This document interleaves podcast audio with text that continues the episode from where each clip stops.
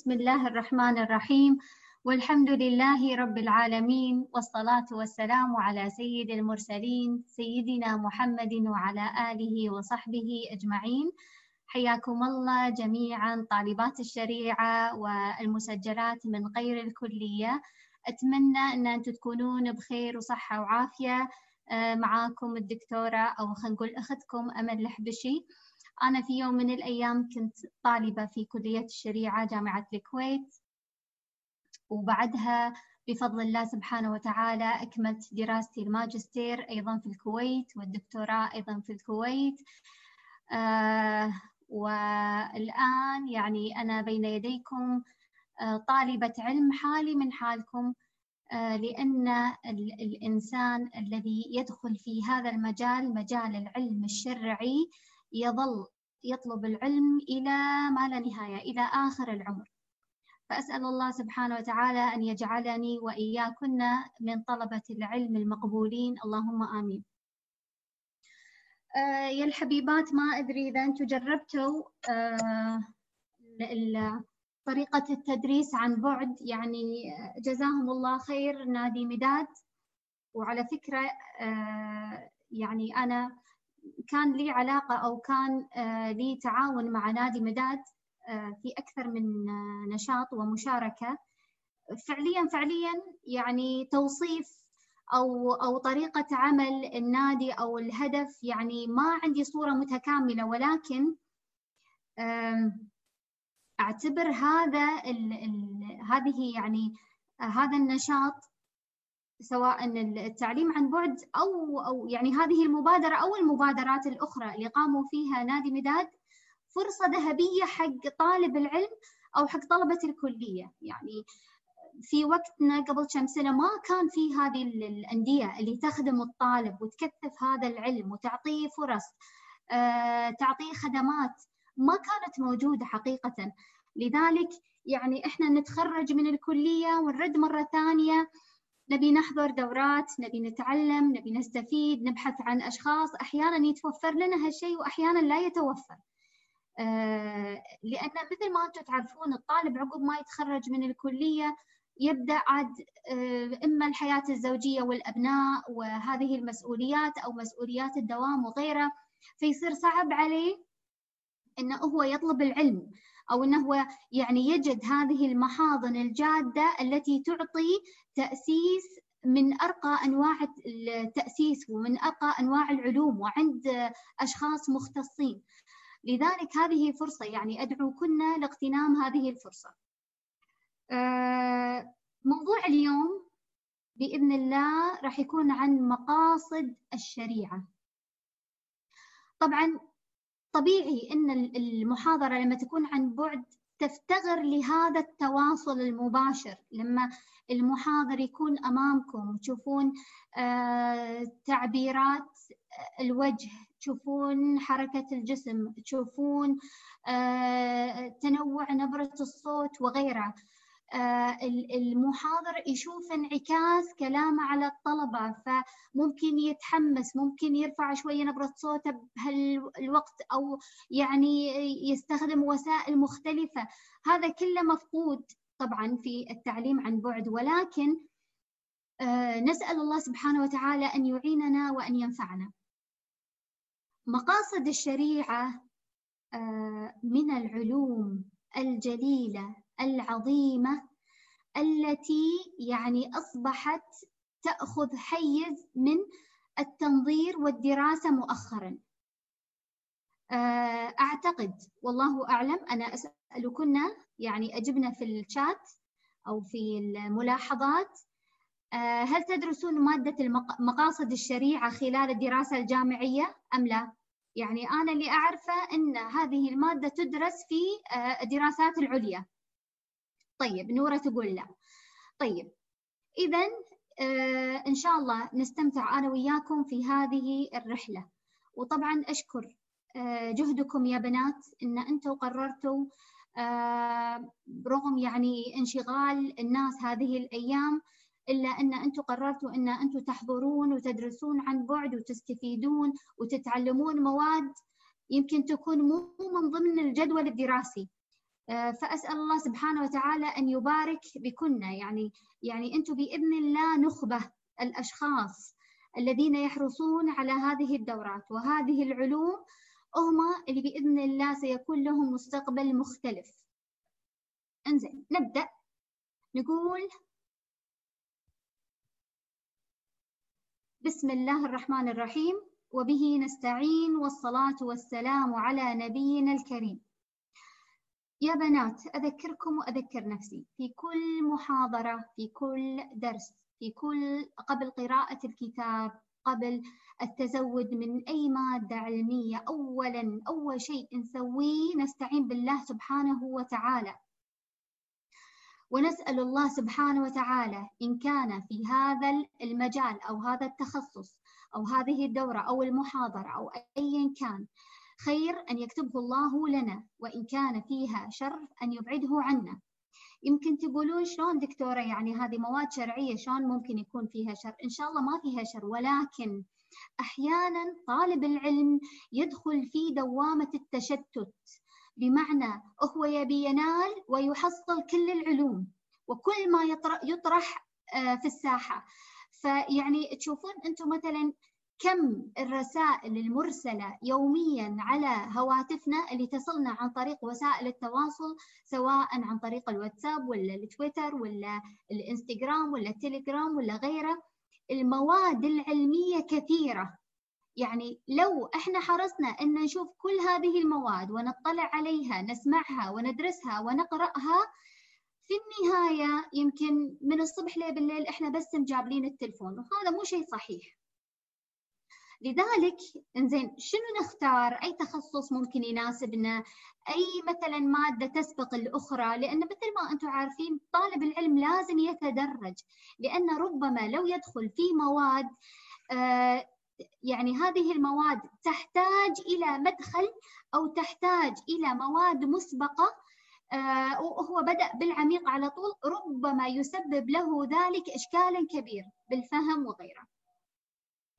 إذا إحنا علشان نحمي أنفسنا من هذا التشتت لابد أن نقف ونسأل الله سبحانه وتعالى أن ييسر لنا من المواد ومن العلوم ما فيه خير لنا.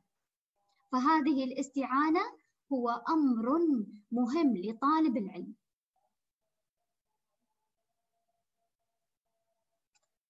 مثل ما أنتم عارفين يا بنات كل محاضرة أو درس له أهداف. واللي منكم بإذن الله راح يصيرون معلمين سواء في دور القرآن أو في وزارة التربية أو غيره مطالبين أن في كل محاضرة أو كل حصة أنهم يحضرون أهداف لهذه الحصة أو هذه المادة. حتى فيكم اللي اللي هم يعني خاضوا في سلك التدريب. أو التدريس أو يعني عموما يعني إعطاء محاضرات عامة. لابد في البداية أن يقف ويسأل نفسه ما هي الأهداف اللي أنا أح... أريد أن أوصلها للحضور؟ طبعا الأهداف تتنوع. الهدف الأول ممكن يكون معلومة إكساب معلومة. طيب؟ في وايد ناس يحضرون محاضرات أو دروس أو يقرؤون كتب وبعدين شنو يقولون؟ يقولون والله ما استفدنا شيء. طيب ليش ما استفدت شيء؟ لأن المعلومات المطروحة كلها إحنا نعرفها من قبل. فالمحاضر ما أضاف لي شيء. طيب هني الخطأ نقول من منو؟ إن المحاضر ما أضاف للمستمع أو الجمهور مثلا معلومة جديدة الخطأ يكون عند منو؟ في الحقيقة ما يعني الخطأ مو خطأ يعني أحد منهم ليش؟ قد يكون المحاضر يعني مادته العلمية آه، مقدمة مثل ما أنتم تعرفون يعني مقدمات العلوم الأساسيات أو الأوليات قد يكون هذا الفرد من الجمهور لما التحق بهذه الدورة أو المحاضرة هو حاط في باله إنه يبي مثلا آه، مرحلة متقدمة. فشيء طبيعي إن هذه المحاضرة لن تخدم هذا يعني الطالب ايا كان. طيب اللي أبي أوصله هني إن من الخطأ أن الجمهور يركزون على جانب واحد فقط أو يعطون جانب واحد فقط. إذا العملية التعليمية أو التدريبية هي مجموعة أهداف. الأول إكساب معلومة. الثاني تعليم مهارة. أنت يا محاضر يا معلم يا دكتور يا ولي أمر يا أم يا أيا كان مكانك. زين إحنا الحين يا بنات لما نتكلم عن هذه التخصصات أو هذه الأشياء علشان تكون مفعلة في واقعنا ونستفيد منها حق الاستفادة ما نبي نحصرها في مكان ضيق. يعني ما نبي نحصرها فقط في هذه المحاضرة اللي هي عن بعد اللي هي خاصة في مجال المقاصد الشرعية. أي شغلة راح تنطرح نبي ننزلها على واقعنا على ممارساتنا اليومية علشان نبي فائدة أكبر. إنزين تعليم مهارة. هذا المحاضر اللي أمامي أيا كان ممكن يكون ما أعطاني معلومة جديدة ولكن علمني مهارة جديدة. يعني شنو مهارة؟ يعني مثلا علمني طريقة في العرض مختلفة حلوة جميلة. مثلا آه، علمني كيف أختصر المعلومة. علمني كيف أشرح كيف أحلل كيف أفكر من زاوية مختلفة. كل هذه مهارات ليست معلومات ممكن أن أنا أستفيدها من المحاضر. طيب الأهم من المعلومة والمهارة واللي أنا راح أركز عليه اليوم بشكل كبير اللي هو الهدف الثالث اللي هي الأهداف الوجدانية تحريك الوجدان. يعني شنو تحريك الوجدان؟ يعني إن أنت تخرجين من هذه المحاضرة تشعرين في داخلك بشعور مختلف شعور غير عن الشعور اللي دخلتي فيه المحاضرة. هني إحنا نضمن بإذن الله سبحانه وتعالى إن حصل تغيير عند هذا الإنسان. في شيء راح يحركه في شيء راح يعينه إنه هو يتغير يبذل أكثر آه، يعيد التفكير ايا كان هذا التغيير المطلوب. اذا راح نركز بإذن الله اليوم في محاضرتنا على اكساب معلومة تعليم مهارة وتحريك الوجدان.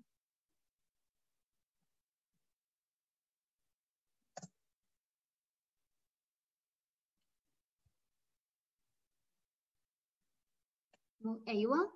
إنزين مثل ما أنتم عارفين يا طالبات الشريعة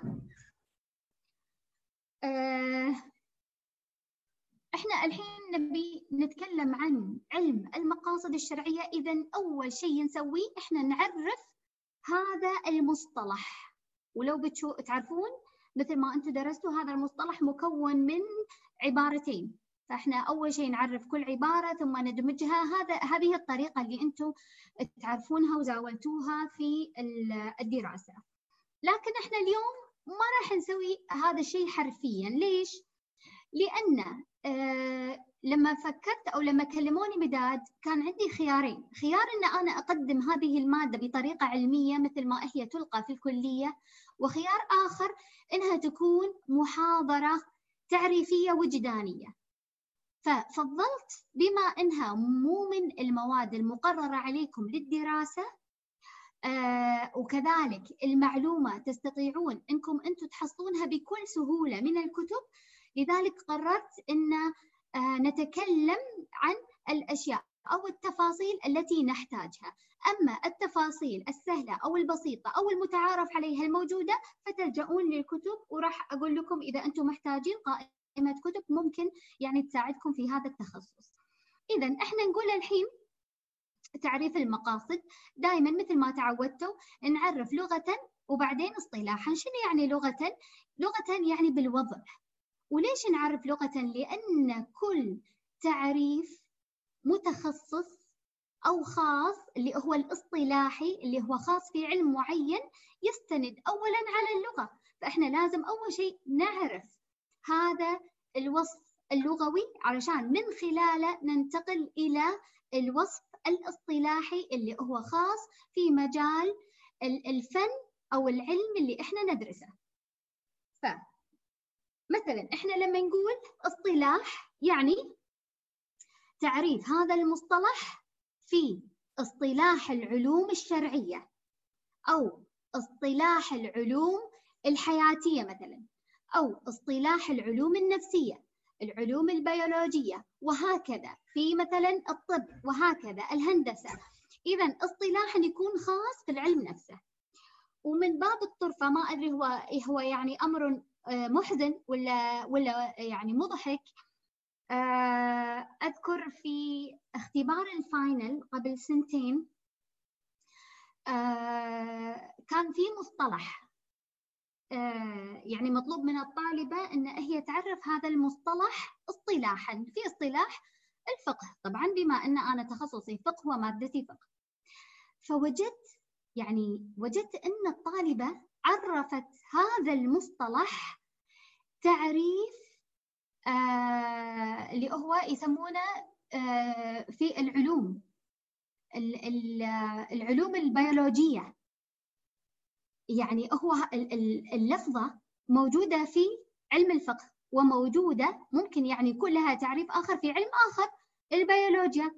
فوجدت أن الطالبة معرفة هذا التعريف إنزين آه من البيولوجيا.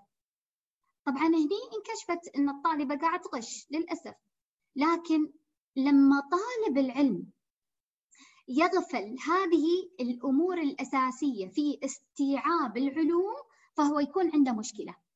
يعني طالب العلم الشرعي طلبة الشريعة لازم يفهمون هذه المهارات هذه التقنيات. ان والله كل مصطلح أنت تدرسه ترى له تعريف لغوي له تعريف اصطلاحي. شنو معنات تعريف لغوي؟ شنو معنات تعريف اصطلاحي؟ إنزين شلون نفرق بين علم وعلم تخصص وآخر؟ هذه الأشياء إحنا لازم نعرفها. ليش نعرفها يا بنات؟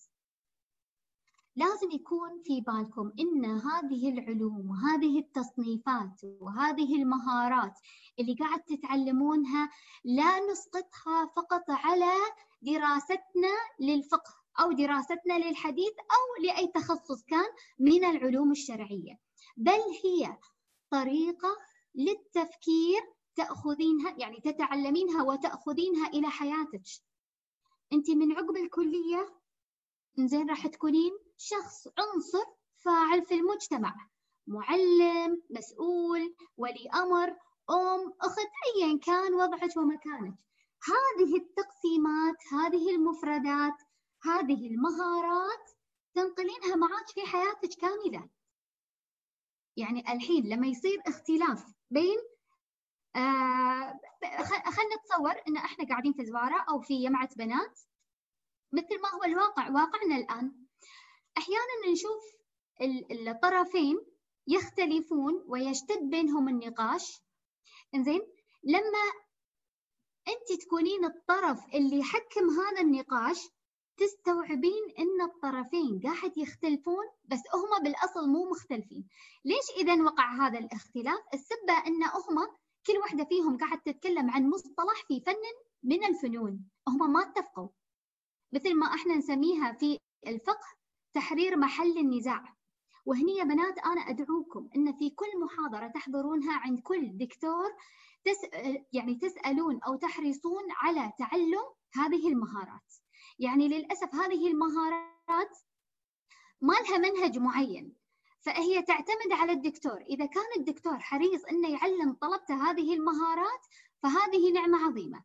إذا كان الدكتور قد يغفل أو أو غير حريص أو يمكن غير مهتم إذا هنا وقع الإشكال. ليش؟ لأن إحنا لما نأخذ المعلومة وخاصة إذا ما طبقناها في حياتنا اليومية راح تكون معلومة وتنسى صح ولا لا؟ يعني أنتم الحين تذكرون كل التفاصيل اللي درستوها واختبرتوا فيها في سنة أولى أو سنة ثانية؟ لا طبعا. هذه الأشياء كلها تنسى ولكن تعلم المهارة هي الشيء الذي سيظل معك خلال الكلية وما بعد الكلية. إذا لازم تحرصون أنكم تسألون الدكاترة دكتور شنو المهارة اللي لازم نتعلمها؟ يعني مثلا طالب الشريعة ما يصير يتخرج ما يعرف مهارة آه، تحرير محل النزاع. هذه من أقوى المهارات اللي هي تعلم طالب العلم كيف يفكر. فإحنا ما نبي نحفظ بس إحنا نبي نحفظ ونبي نتعلم شلون نفكر. مثلا نتعلم مهارة السبر والتقسيم مهارة كذا وكذا. طيب إذا ندخل الآن في الشريحة اللي وراها علشان يتضح المعنى.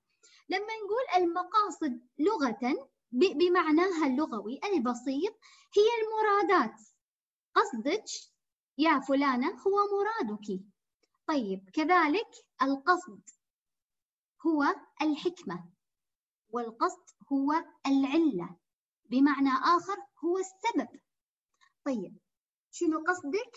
ليش سويت هذا الشيء؟ شنو السبب اللي خلاك تسوي هذا الشيء؟ هذا باللغة البسيطة إنزين القصد كذلك يأتي بمعنى المعنى يعني يكون معناه المعنى فقصده يعني المعنى الذي يريده. هذا بالتعريف اللغوي. طيب.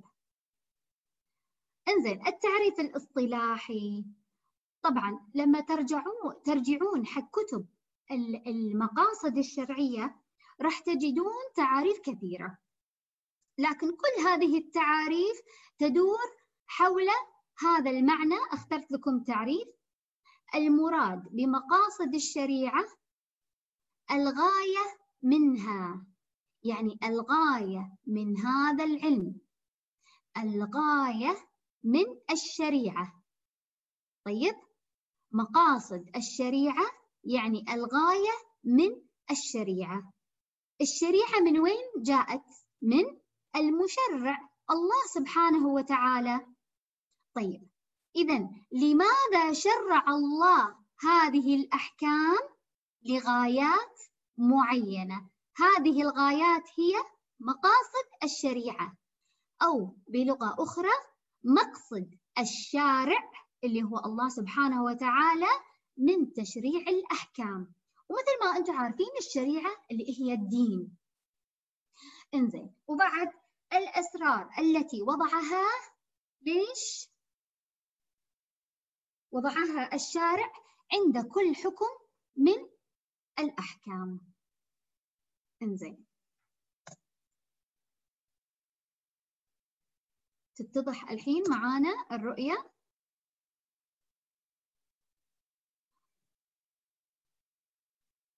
أحيانا يعلق ما أدري ليش بس يلا. طيب آه من هو أول من صنف في علم المقاصد الشرعية؟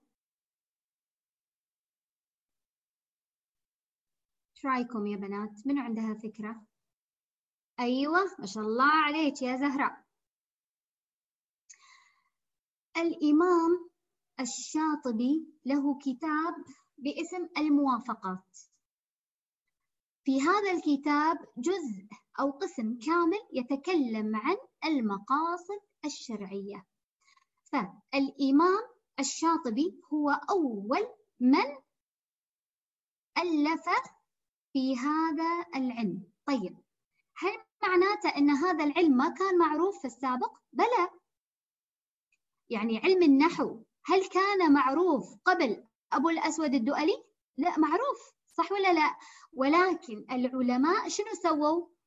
إجمعوا هذا العلم وأصلوا له يعني وضعوا قواعده وضعوه وجمعوه في مكان واحد أو مكان يعني جمع فيه كل ما يحتوي هذا العلم أو هذا التخصص طيب إذا نبي نقرأ في مقاصد الشريعة نذهب لمن؟ نذهب للإمام الجويني للإمام الشاطبي الإمام الغزالي آه، الإمام الطاهر ابن عاشور طيب آه، وعلال الفاسي. طيب ومن المعاصرين عند شيخنا الريسوني. إنزين ليش يا بنات ندرس المقاصد؟ لو بتشوفون العبارة هنا دراسة الفقه دون استحضار علم المقاصد. أنا الحين أبي أدخل معاكم في جانب. أنا درست في كلية الشريعة ولكن كذلك أنا أعمل في مؤسسة تربوية تعلم النشء آه العلوم الشرعية زين الموظفات التي الذين يشتغلون في هذه المؤسسة هم خريجات ما ماذا؟ خريجات كلية الشريعة. طبعا المشتغلين كذلك في في التدريس أو المشتغلين في في يعني في المحاضن الأخرى المحاضن الشرعية التابعة لوزارة الأوقاف. إنزين خلينا من أو خلونا من اللي هم المعلمين. آه كم أم تتخرج من كلية الشريعة أو كم خريجة آه تكون اما في المستقبل معلمة أخت كبيرة فرد في المجتمع في إشكالية عظيمة يا بنات إشكالية لمسناها لمسناها في واقعنا. ليش طالب العلوم الشرعية نجد في حياته تناقض كبير ما بين الأمور التي يدرسها وحياته تفاعله مع المجتمع تفاعله مع القيم تفاعله مع مع ايا كان يعني في حياته سواء كان وظيفة أو أو البيت يعني رعاية تربية أو ايا كان. ليش هذا الفاصل الكبير بين بين بين ما يتعلمه وبين ما يبدر منه؟ هني نجد إن الكثير من الطلبة يدرسون العلوم الشرعية ايا كانت سواء فقه حديث تفسير دون استجلاب أو استحضار مقصد الشارع من تشريع هذه الأحكام. يعني إحنا ندرس أن الصلاة فرض وأن الزكاة فرض وغير من هذه الأحكام.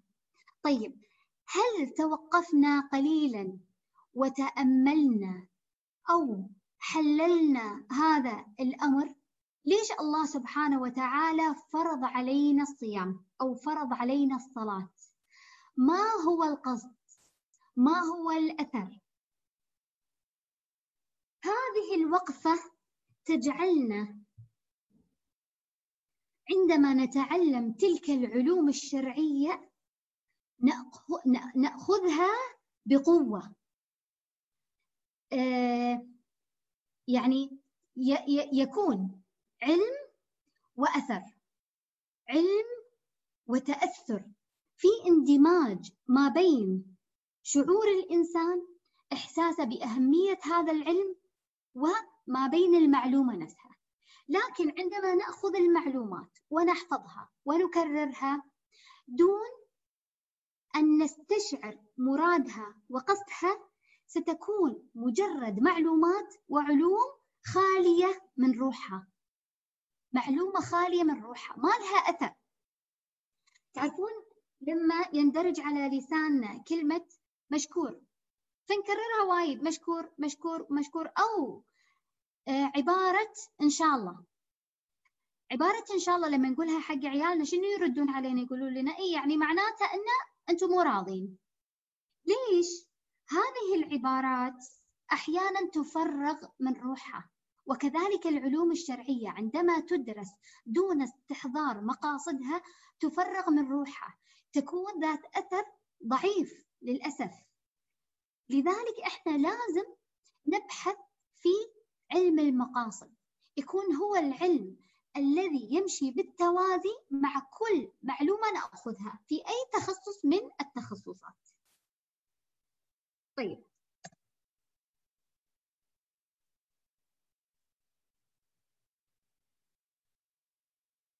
مقاصد الشريعة هي الغايات والأهداف الكلية يرجع إليها من اختلطت عليه الأحوال أو ظلت به الشعب ليش ندرس المقاصد؟ تعرفون لما أحد يقول لك النظرة ثلاثية الأبعاد أو رباعية الأبعاد اللي هي تعطيك الصورة كاملة من جميع الجوانب علم المقاصد يخلينا نرى الشريعة من هذه الزاوية أو من هذا المنظور أنت تدرسين الفقه تدرسين الأحكام الحلال والحرام وغيرها من الأحكام صحيح؟ تدرسين التفاصيل تفاصيل المسائل لكن شنو اللي يجمع لك هذه المسائل؟ شنو اللي يعطيك الروح أو الخلاصة؟ هو علم المقاصد اللي هي أو هو السؤال لماذا شرع الله سبحانه وتعالى هذا الحكم. إذا علم المقاصد يعطينا هذه الصورة الكلية.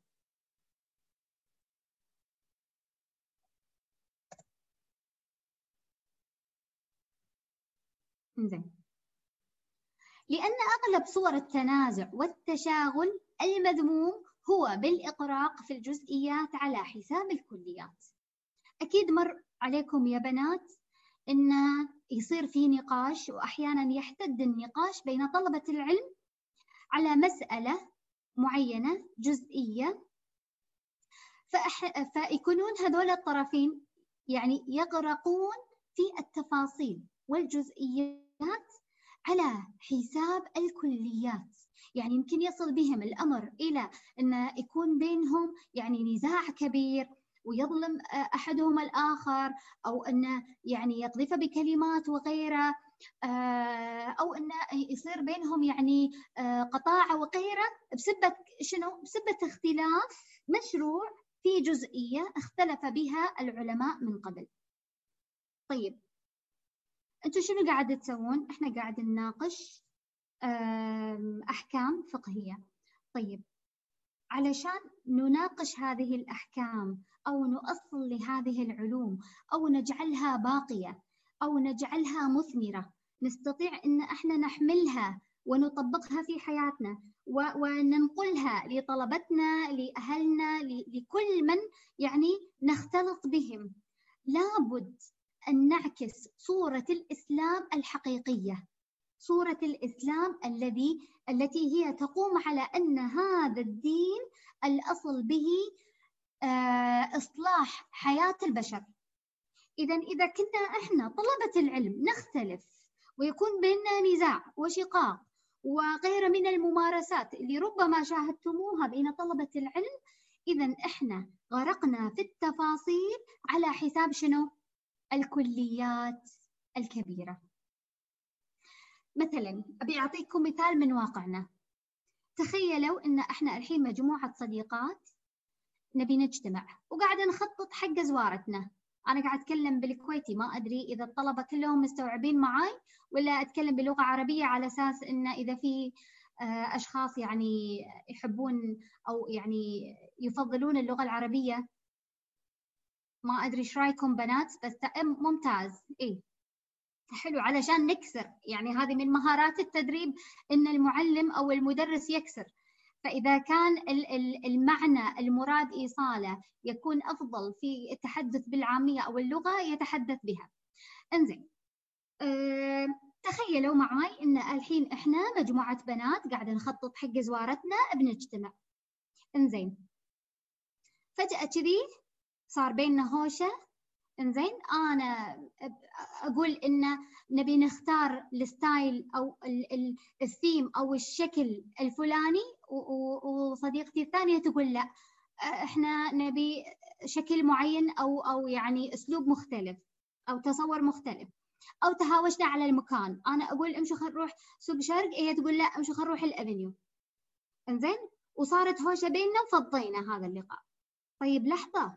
هو شنو الأصل من وراء هذه أو هذه الخطة. إن إحنا نتشاوف ونستأنس إنزين والهانين على بعض نبي نفرح سواء كان في البيت أو في أي مكان يعني عموما يعني. طيب؟ لكن إحنا بهالصورة شنو سوينا؟ إحنا صار بيننا ندية في اختيار أشياء معينة هي جزئية ما تأثر. سواء كان هالشكل ولا هالشكل هالمكان ولا هالمكان. هذه أشياء بسيطة ما تأثر زين لكن احتد النقاش بيننا. وكل واحد فينا كبر راسه إلا راية اللي يمشي على حساب شنو؟ على حساب طلعتنا وناستنا. فهني شنو صار؟ أنتم شفتوا هذا المشهد اللي هو من حياتنا اليومية؟ أنا أبيكم تتصورونه في دراسة العلوم الشرعية. شلون إن أحيانا إحنا نقرق في التفاصيل والجزئيات على يعني على حساب الكليات العامة.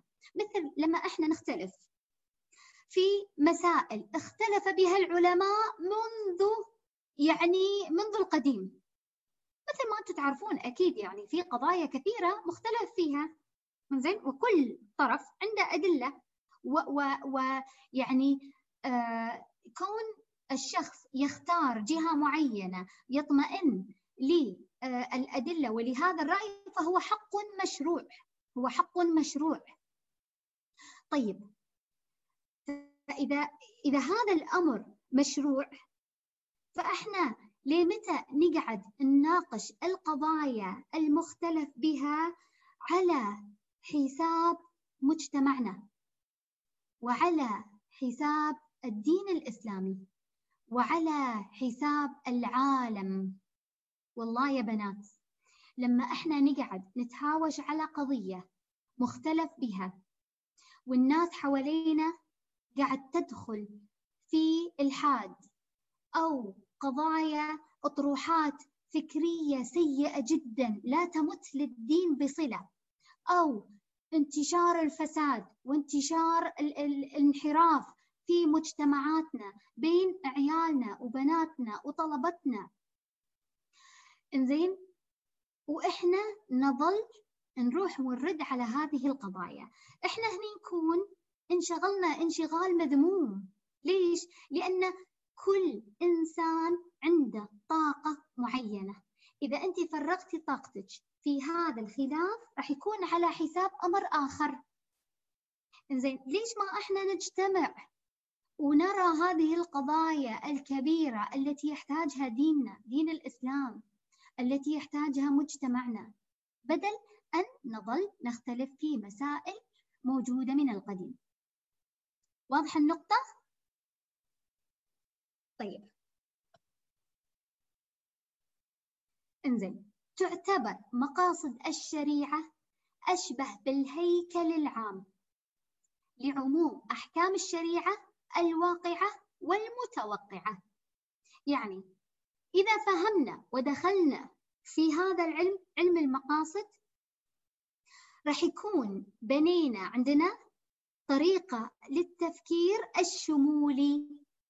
الإنسان الذي يستطيع أن يرى المشهد كامل الصورة الكلية. يعني شلون؟ يعني تخيلي أنت لما تكونين في شارع وأقول لك شنو محيطك اللي تشوفينه؟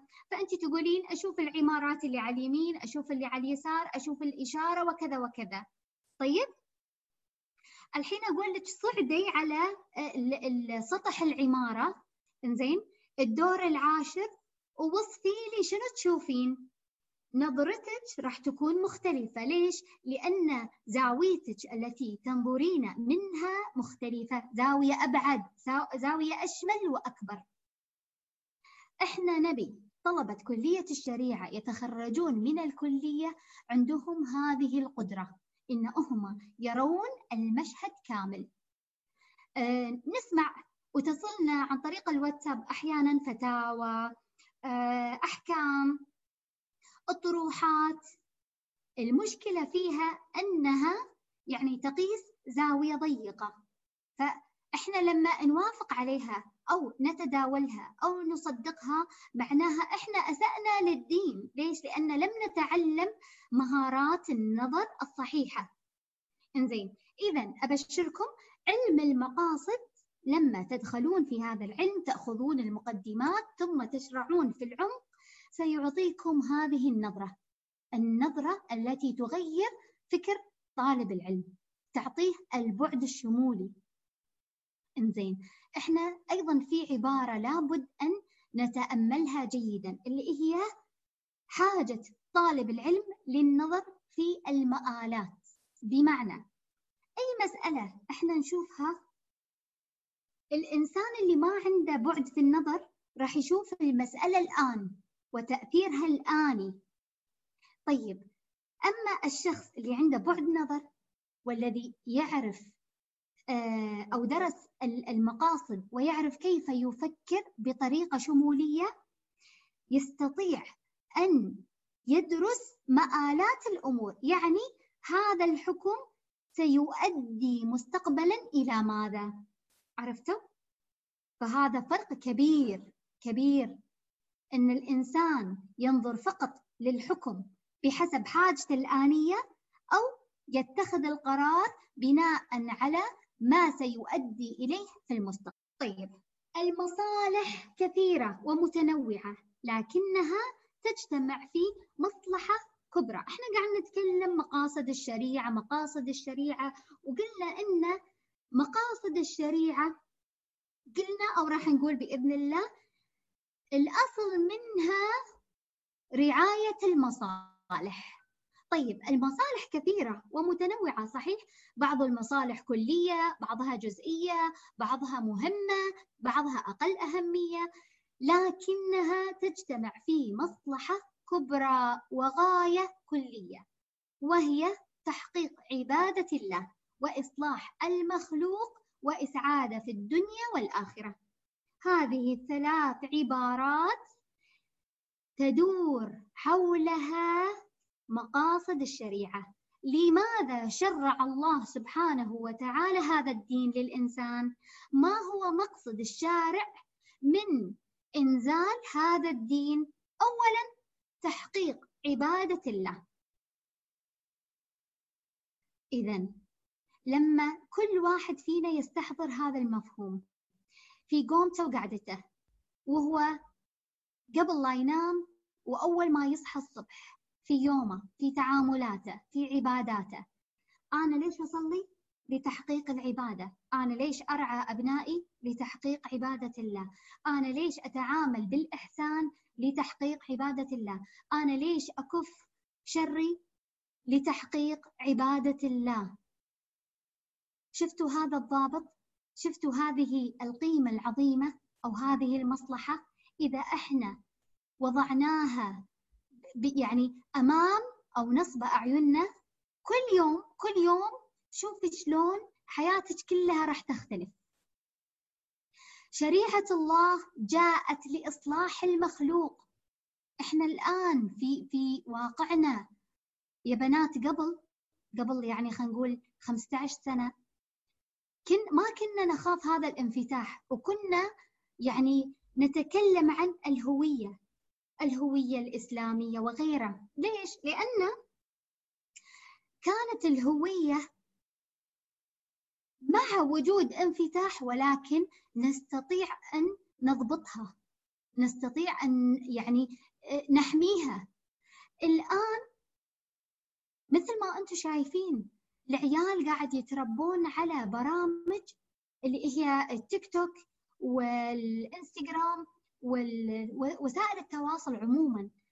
الحياة الغربية الثقافة الغربية أصبحت هي الثقافة التي يعني يتزودون منها من الصبح لين بالليل طبعا إحنا راح نقول إن ولي الأمر مسؤول ويفترض وكذا. طبعا هذا شيء يعني لابد منه. ولكن في أمور الآن خرجت عن سيطرة ولي الأمر. أمور فرضها علينا المجتمع. أمور فرضها علينا الناس من حوالينا. صار التقييد مو شيء سهل. لذلك إحنا لازم كلنا نتعاون ونتكاتف لرعاية هذه المصالح. يمكن ترى أنتم ما تحسون بس لما تقعدون مع آه، بنات وأولاد بأعمار العشرة والأحد عشر تسألونهم عن أبسط أساسيات الدين عن العقائد. ما يمكن يعني تجدون أشياء يندى لها الجبين أشياء ما تصدقونها. أو أشياء نظن إن عيالنا عارفينها وفاهمينها ومستوعبينها معنى نظيف. كانت الأطروحات محدودة الانحراف نستطيع إن إحنا نعرف لكن في هذا الزمن لا. لذلك إحنا لازم نؤهل أنفسنا. إحنا طلبة الشريعة طلبة العلم الشرعي. أستحلفكم بالله يا بنات لأن أنا قاعدة أشوف نماذج. وإحنا كلنا نقع يعني في هذا الخطأ. أو أو أو هذا اللي هو خلينا نقول الغفلة. إحنا نخرج للتعليم بعدين إن شاء الله بإذن الله نفرح فيكم كلكم خريجات ونشوفكم في أحسن الأماكن اللي تحبونها. زين ونقفل هذا الأثر. لازم نسأل أنفسنا ما هو المقصد من دراسة هذه العلوم الشرعية؟ إذا كانت للدنيا فهي للدنيا وإن كانت لله فهي لله. اذا علشان أذكر نفسي دائما أسأل نفسي شنو واجبي تجاه المجتمع تجاه ديني؟ هذا السؤال يدور حول المقاصد. طيب إذا وإصلاح المخلوق. لاحظوا الحين إيش كثر في ناس مسلمين يدندنون حول قضايا القانون الوضعي أو من المسائل المطروحة الحريات. شنو يا جماعة؟ إيش سالفتكم مع الحرية؟ والله إحنا آه، بشر آه، ننادي بالحرية. طيب ما إحنا أحرار أصلا. الدين الإسلامي يكفل الحرية. هو يعني هو أعظم تشريع تجد فيه الحرية. لا إحنا نبي نتحرر. هذه مو حرية. إذا هذا الفهم المغلوط اللي يعيد الحرية للقرار أو الحكم البشري. إنزين إحنا عندنا سارة ومنيرة وأمل. شنو مفهوم الحرية عندك يا أمل؟ والله كذا وكذا. إنزين يا سارة شنو مفهوم الحرية؟ كذا وكذا. إنزين يا منيرة شنو مفهوم الحرية عندك؟ كذا وكذا. شلون نتفق؟ إذا راح يكون عندنا مفاهيم للحرية بعدد البشر في هذا الكون. هل نضمن أن كل شخص من هؤلاء الأشخاص هو شخص متزن يستطيع أن يعكس مفهوم الحرية المقبول؟ لا طبعا. كل إنسان سيحكم بناء على شنو؟ على هواه على محبوباته على نضجه إذا الحرية هي ما يعرفها الدين وليس القانون الوضعي شلون نستوعب هذه الأشياء؟ شلون نرد على هذه الأطروحات؟ لابد أن نرجع ونتزود من علم المقاصد الشرعية إسعاد وإسعاد المخلوق في الدنيا والآخرة إذا السعادة الحقيقية هي التي ترتبط بالشريعة الإسلامية.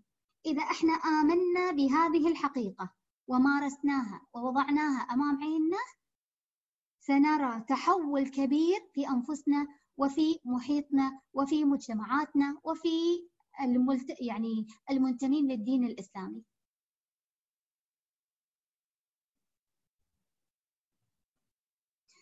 يقول ابن القيم نبي نسرع شوية بنات. يقول ابن القيم فالشريعة مبناها وأساسها على الحكم ومصالح العباد. ما جعلت الشريعة بناء على قرارات البشر؟ لا. الله سبحانه وتعالى وضعها لأن الله هو خالق البشر والأعلم بما يصلح أحوالهم الأعلم بحاجاتهم. خلنا نسأل سؤال هنا الحين حاجتي مثل حاجة سارة مثل حاجة منيرة طبعا لا. أنا حاجتي في عمر الثلاثين أنا أنا شخصيا.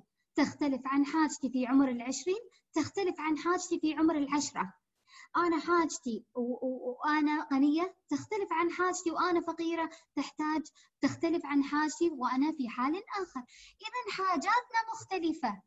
شلون يقدر الإنسان أن يضع قانون وضعي زين يلبي حاجات البشر على اختلافها. إذا هو اللي يضع القانون لا يستطيع أن يستوعب كل الحاجات.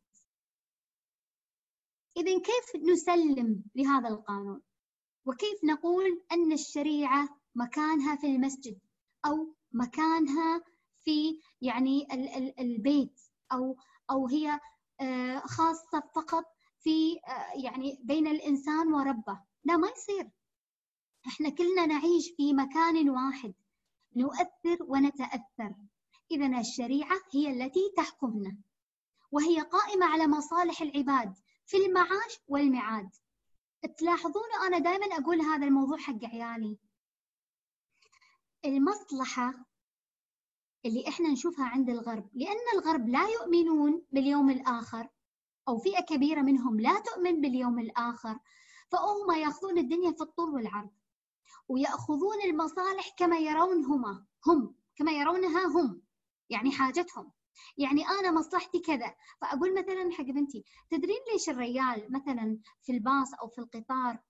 زين يكون شاب يعني في في منتصف العشرين قوي قاعد في الكرسي ويمه يمكن مرة كبيرة. زين آه عيوزة ولا شيخ كبير ولا آه مرأة حامل ما يقوم لها. ليش؟ لأنه هو يرى إنه هو أحق في هذا المكان. لأنه جاء قبل. زين ما في حساب. هو ما راح يتحاسب. يعني إذا سوى شيء إذا سوى معروف. فلنفرض إنه هو سوى معروف. وسمح لهذه المرأة أن تجلس أو لهذا الشيخ أن يجلس. شنو الثواب اللي راح يناله؟ غير الشكر. ما يبي الشكر هو. شنو الثواب؟ ولا شيء. لذلك حياة الغرب قائمة على المصالح الدنيوية. لذلك هم يحتكمون لامزجتهم هو شنو مزاجه؟ شنو حاجته؟ هو الأساس في تحديد المصلحة. لذلك هم لما لما نعرف مفهوم الحرية تعرف من هذا الجانب. طيب أنتم يا المسلمين يلي عندكم قيم مختلفة يلي تؤمنون في اليوم الآخر وتعرفون أن الله سبحانه وتعالى سيحاسبكم وتعلمون أنكم ستؤجرون أو ستحاسبون كيف تطلبون أن نتبنى هذا الفكر وهو لا يمت لديننا أو معتقدنا من قريب ولا من بعيد شلون؟ عرفتوا التشويش يا بنات؟ عرفتوا لما يطلع شخص ويتكلم عن الحرية يتكلم عن مفهوم النسوية يتكلم عن مفهوم النسبية. وكل هذه مفاهيم أو أفكار موجودة في مجتمعاتنا يفترض من طالب العلوم الشرعية أنه يتثقف بها ويعرفها. ليش؟ لأن أنت راح تطلعين حق المجتمع، أنت راح تكونين معلمة، راح تكونين داعية، أنت أصلا في مكانك إما أنك أخت أو أم أو أو بنت أو أيا كان، العلوم الشرعية هذه إذا ما نزلتيها على المجتمع وما نفعت بها ال ال ال الناس من حولك إذا كيف تؤدين زكاة العلم؟ شنو المقصد من دراستك هذه العلوم إذا لم تكوني يعني إنسانة فاعلة في مكانك؟ لذلك أقول لكم يا بنات طلب العلم لا يقتصر على المواد التي تأخذونها في الكلية يعني أنا الآن دكتورة بدأت رحلتي الحقيقية في طلب العلم لأن في السابق أنا كنت ملتزمة بأبحاث ملتزمة في دراسة مقررات معينة ولكن من بعد ما انتهيت الآن تبدأ رحلة التخصص تخصص بالمكان أو بالعلم اللي أنت تشوف نفسك قوي تشوف نفسك ممكن تكون مؤثر فيه تشوف إنه هو حاجة في مجتمعك لازم تبدأ تبحث وتقرأ. وكذلك لازم تبحث في العلوم الأخرى علوم اللي هو العلوم النفسية. خلينا نقول اللي هي المقدمات. أشياء أساسية أنا لازم أتعلمها في علم النفس. أشياء أساسية أنا لازم أتعلمها في علم الاجتماع. وهكذا في التاريخ. ليش؟ لأن أنت قاعد تتكلم عن شرع الله سبحانه وتعالى. مو معقولة أن أنت تتكلم وأنت ما تستطيع أنك تستوعب البشر وتعرف اختلافاتهم. أنت تبي توصل أمر الله سبحانه وتعالى إذا لازم توصله بالحسنى. وهذا شلون شلون تمتلك المهارات؟ شلون تمتلك البعد؟ شلون تمتلك الفهم للمجتمع؟ إذا أنت ما عندك أساس في هذه العلوم. إذا أدعوكم يا بنات أن أنتم تقرؤون في هذه العلوم. إنزين مصالح العباد في المعاش والمعاد وهي أي الشريعة. عدل كلها رحمة كلها وحكمة كلها ومصلحة كلها. فكل مسألة خرجت من العدل إلى الجور يعني الظلم وعن الرحمة إلى ضدها. وعن المصلحة إلى المفسدة وعن الحكمة إلى العبث فليست من الشريعة وإن أدخلت فيها بالتأويل. مثل ما قلنا علم المقاصد الشرعية يعطينا الهيكل اللي من خلاله نستطيع إن إحنا نحكم على المسائل. طيب نحكم على المسائل بدون ما ندرس أصول الفقه؟ لا طبعا. بدون ما ندرس الفقه؟ لا طبعا. بدون ما ندرس الواقع؟ لا طبعا. زين نفتي؟ لا طبعا. لأن طالب العلم الشرعي أو خريجي كلية الشريعة ليسوا مخولين للإفتاء. ولا أنا في في في وضعي يعني كوني دكتورة مخولة للإفتاء لأن هذه منزلة عظيمة يفترض في الإنسان أنه يكون قريب من من الدراسة، قريب من المسائل، قريب من القراءة، آه، درس وفهم وتعلم. حتى يعني يعتلي أو أو يعني يأخذ هذا المكان. اذا ليش أتعلمها؟ أتعلمها علشان تعطيني النظرة الكلية تعطيني الأساس يعني مثلا قالوا أن في الدولة الفلانية صدرت فتوى كذا كذا إيش رأيكم فيها يا طلبة الشريعة إنزين إحنا الحين قبل لا ندرس هذه المسألة أصوليا وفقهيا ونقرأ ونتتبع ونعرف إنزين إحنا عندنا مرجعية اللي هي مرجعية شنو؟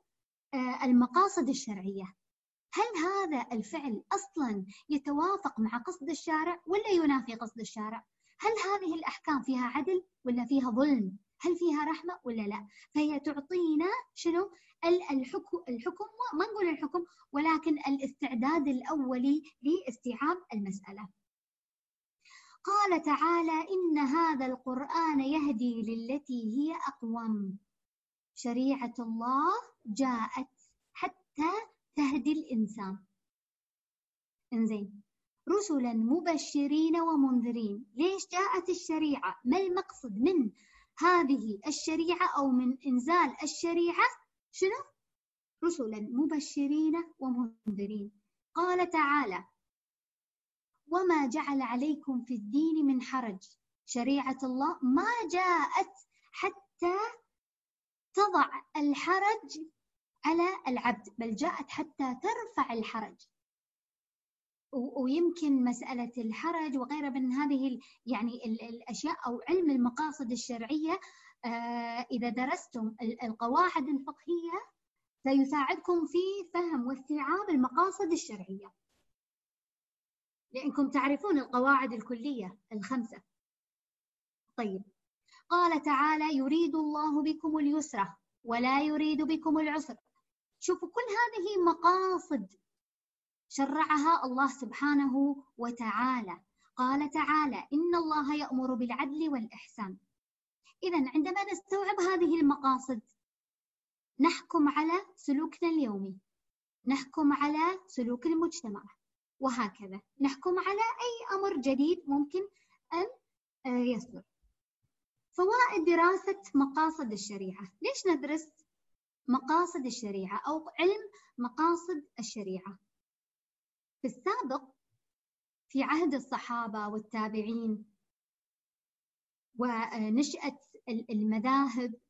ما كان في علم يعني قائم بذاته يسمى علم المقاصد الشرعية. ليش؟ لأن هؤلاء العلماء والصحابة والتابعين يستحضرون مقصد الشارع في كل أمر. ولو تتبعنا واستقرأنا أقوال الصحابة والفتاوى وأحكام التي جاءت في المذاهب سنجد أن العلماء ينصون على السبب ويستحضرون المقصد. فهو أمر موجود ولكن لما تم التنظير له حتى يجمع في مكان واحد. طيب ليش الآن في هذا الوقت في هذا الوقت تحديدا يعني خلينا نقول من عشر سنوات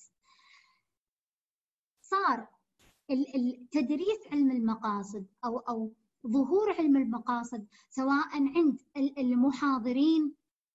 يعني الآن المقاصد لو بنشوف لو أنتم تتبعون يا بنات راح تشوفون كل المهتمين بالقضايا الفكرية الشرعية أو القضايا الاجتماعية أو القضايا الدينية أو الفتاوى أو السياسية الكل الكل يدندن حول المقاصد الشرعية إذا هي ظهرت بقوة هذه الأوقات لأننا نحتاج لها لأن واقعنا الآن يقول أننا نحتاج المقاصد ليش؟ مثل ما قلنا في البداية الكثير من طلبة العلم والكثير من البشر عندما يتعاملون مع الأحكام الشرعية يتعاملون معها ظاهريا شكليا دون استجلاب المقصد والمعنى. فيكون هناك فجوة في التطبيق.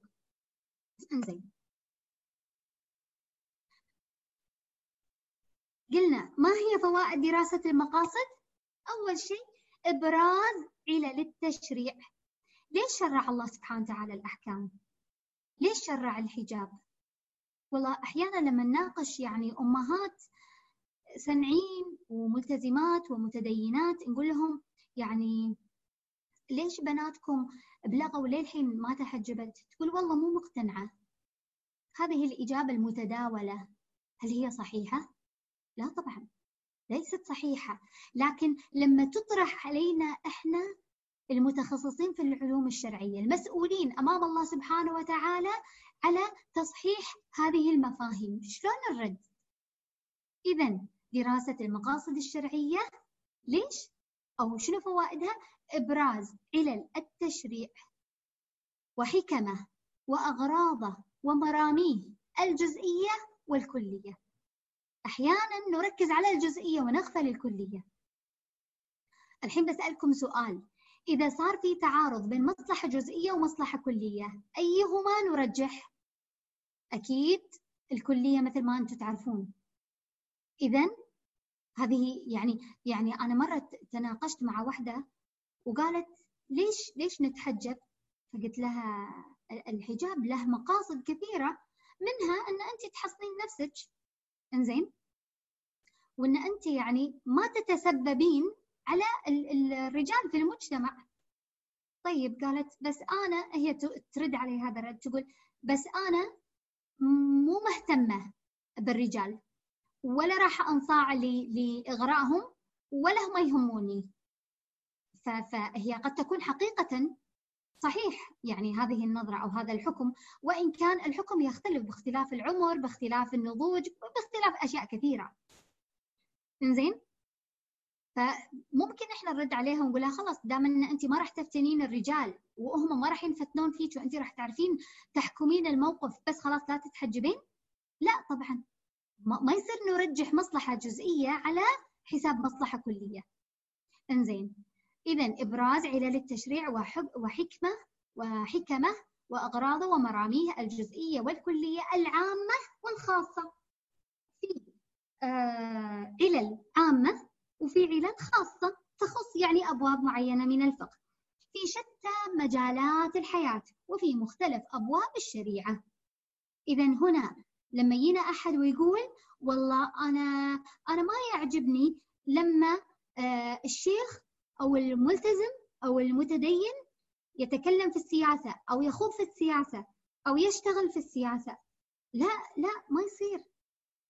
الدين داخل في كل أبواب الحياة في كل مجالات الحياة. إذا ما كان في شخص يعرف الأحكام الشرعية ويشتغل بالسياسة وبالطب وبكذا كذا كذا إذا راح يكون في خلل في هذه المجالات. لازم نتصور شيء يا بنات وهذا البعد يعطينا أو يعلمنا هذا البعد دراسة المقاصد أن هناك ارتباط وثيق بين كل المجالات من حولنا. الحياة كلها مرتبطة. أي خلل يكون في مجال معين سيؤثر على المجالات الأخرى. فما نقول ما نقدر نقول الضرر منفك أو الخلل السياسي ما راح يؤثر على التعليمي أو. لا لا لا. إحنا نعيش في مجتمع واحد في بيئة واحدة في كون واحد. إذا كل شيء يتأثر بالآخر. انزين. تمكين هذا هذا السبب الآخر. تمكين الفقيه من الاستنباط في ضوء المقصد الذي سيعين على فهم الحكم وتحديده وتطبيقه. الحين الفقيه اللي هو يبي يستنبط الحكم أو حتى خلينا نقول طالب العلم اللي يبي يبحث عن الأحكام الموجودة يعني هو ما راح يستنبط حكم جديد لا هو راح يبحث يبحث عن الأحكام أو على الأقل يعني يصنفها هل هي مقبولة أو لا. فأنت إذا عندك مرجعية مقاصد الشريعة شنو راح يصير؟ إذا عندك مرجعية مقاصد الشريعة على طول الموضوع راح يكون واضح في ذهنك. راح تستطيعين أن أنت تضعين أو أو توجهين الأشياء أو الأحكام. زين إثراء المباحث الأصولية ذات الصلة بالمقاصد على نحو المصالح والقياس والعرف والقواعد والذرائع وغيرها. اللي فيكم يدرس آه، أصول الفقه أو متخصص في قسم الفقه يعرف أن المقاصد الشريعة أو مقاصد الشريعة ودراستها داخل في أبواب المصلحة والقياس والعرف والقواعد والذرائع سد الذرائع فتح الذرائع كل هذه الأشياء. فعلشان يصير عند طالب العلم إثراء يصير متمكن يمتلك المهارات التي تساعد على التفكير على إنزال الأحكام على الواقع على نقل الفتوى. شفتوا يعني إحنا نقول إحنا ما نفتي ولكن ننقل الفتوى. إنزين؟ ننقل العلم نشرح سواء كنا معلمين أو دارسين. هذه الأشياء لن نستطيع أن نقوم بها إلا إذا صار عندنا هذا التصور وهذا البعد وهذا الاثراء التقليل من الاختلاف والنزاع الفقهي مثل ما تكلمنا والتعصب المذهبي. بس أشوف.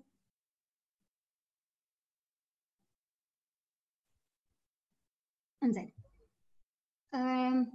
التقليل من الاختلاف والنزاع الفقهي ليش؟ لأن راح يكون عندنا هذا الوعي يا جماعة لا تركزون على الجزئيات متى؟ على حساب الكليات يعني إحنا ما نبي نفهم انه والله الخلافات هذه لا عادي إن إحنا نختلف عادي ما نفهمها عادي ما نستوعبها عادي ما نف... لا لا بل بالعكس هذا الأساس أن طالب العلم يخوض في هذه الأشياء ويبحث من باب طبعا طلب العلم. مو من باب أنه يثبت وجوده أو يثبت حفظه وغير ذلك أو أنه هو يعني ينتصر لطائفته أو مذهبه أو ايا كان لا لا. ولكن دراسة هذه الأشياء مهم جدا. ولكن متى تكون أو يكون في آه، إشكال؟ إذا كانت على حساب الأمور الكبيرة. على حساب الدين. يعني كأن إحنا قاعدين في زاوية والعالم من حولنا يحترق. إحنا نتنازع على مسألة جزئية والعالم يحترق. فهني يكون في إشكالية. هني يكون عندنا ضياع في الأولويات.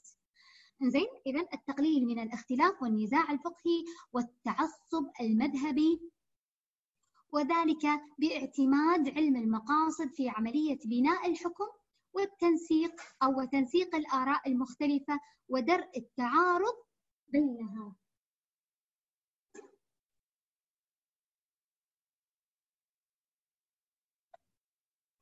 التوفيق بين خاصيتي الأخذ بظاهر النص. مثل ما أنتم تعرفون الآيات الأحاديث الفتاوى الأحكام لها شكل ظاهري لها نص. طيب هل نأخذ فقط النص ونكون مثل المذهب الظاهري؟ لا طبعا راح يكون في خلل كبير. إنزين هل نلتفت إلى المدلول أو إلى التأويل دون أن نأخذ بالاعتبار ظاهر النص؟ لا طبعا.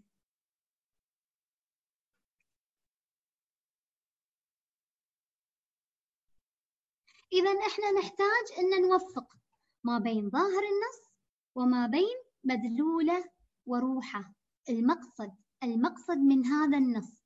على وجه لا يخل فيه المعنى بالنص ولا العكس لتجري الشريعة على نظام واحد لا اختلاف فيه ولا تناقض.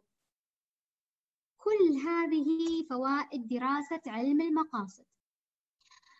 عون المكلف اللي هو أنا وأنتم على القيام بالتكاليف. أنا أصلي ليش أصلي؟ لأن الصلاة أمر من الله سبحانه وتعالى. الحجاب أمر الصيام أمر. زين؟ ولكن حتى يكون هناك الامتثال الأكمل والأجمل والأقرب إلى الروح والنفس لابد أن نعرف إذا كان ظاهرا وواضحا الله سبحانه وتعالى عندما شرع الصلاة ما هو المقصد من تشريع الصلاة؟ حتى لما نعلم عيالنا ما يصير نقول لهم لازم تصلون واللي ما يصلي يدخل النار. لا مو كذي. في مقاصد عظيمة من تشريع الصلاة. إذا لابد أن نعرف الطريقة والوسيلة الصحيحة اللي لازم طلبة العلم يتعلمونها من خلال دراستهم للمقاصد حتى يكونوا مؤثرين بشكل جيد على من يريدون التأثير عليه. إذا عون المكلف على القيام بالتكليف والامتثال على أحسن الوجوه وأتمها. زين إذا ما عرفنا المقاصد يعني ما ما نطبق الأحكام لا طبعا. إذا وين الإيمان؟ وراح نعرف أن مقاصد الشريعة جاءت موافقة للعقل البشري. يعني الإنسان يستطيع أن يستوعب مقصود الشارع من هذه الأحكام. ذلك أن المكلف إذا علم مثلا أن المقصد من الحج إنزين التأدب الكامل مع الناس والتحلي بأخلاق الإسلام العليا فإنه إذا علم ذلك فسيعمل جاهدا قصد تحصيل تلك المرتبة. تعرفون يا بنات البعض لما يروح الحج مثلا في الحملات الكويتية يتحلطم إنه والله ما حطوا لنا من المطعم الفلاني ما سكنونا في المكان الفلاني ما كذا وكذا. يعني يلتفتون إلى الأمور المادية الجزئية على حساب المقصد. أنت رايح الحج رايح إنزين تتقرب من الله سبحانه وتعالى. رايح تطهر نفسك حتى تعود كيوم ولدتك أمك. اذا ليش تنشغل بهذه الأشياء؟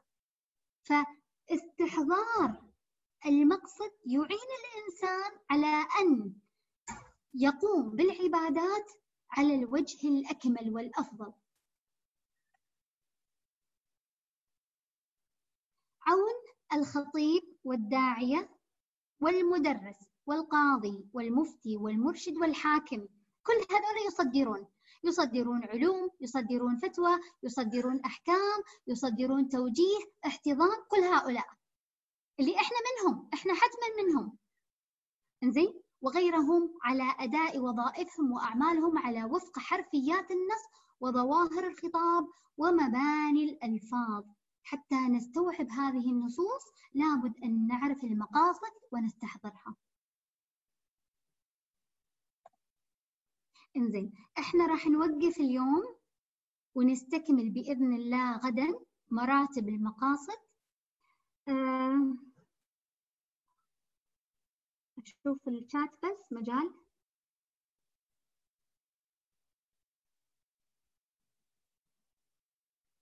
ممتاز ممتاز يا شيماء تعليق آه، جيد.